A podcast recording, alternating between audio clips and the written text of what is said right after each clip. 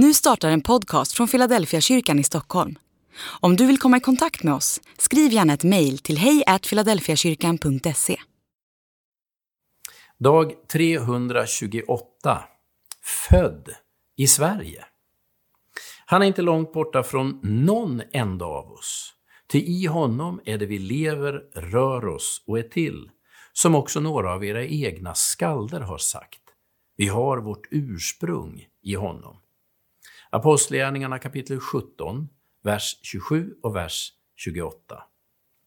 Jag föddes i Västerås den 14 oktober 1964. Min pappa var ingenjör och min mamma var lärare. Trots att jag är född i Sverige och trots att min mamma var lärare hade jag ingen aning om att Gustav Vasa hade varit kung i Sverige förrän min lärare berättade det när jag gick i mellanstadiet. Vi hade en fröken som var mästare i att berätta. Hon kunde ägna 40 minuter åt att bara återberätta händelser ur Sveriges historia och jag sög i mig som ett läskpapper. Men om hon inte hade berättat, om jag inte hade läst, då hade jag levt som svensk utan att ha en aning om att Gustav Vasa var kung i Sverige 1523 till 1560. Så är det med historia. Den måste berättas om och om igen, annars faller den i glömska.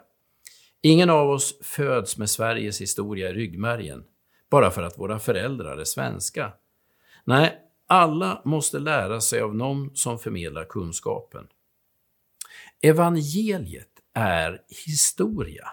Ingen av oss har en medfödd kunskap om Jesus, även om våra föräldrar är kristna. En del säger att de fick tron med modersmjölken, men det är inte helt sant. Det är först när man börjar bli lite äldre som man kan ta till sig evangeliet, eftersom det grundar sig på händelser i tid och rum. Guds försyn är som luften vi andas. Den omger oss och bär oss vare sig vi är medvetna om det eller inte. Frälsningen behöver berättas för oss så att vi kan ta personlig ställning till den.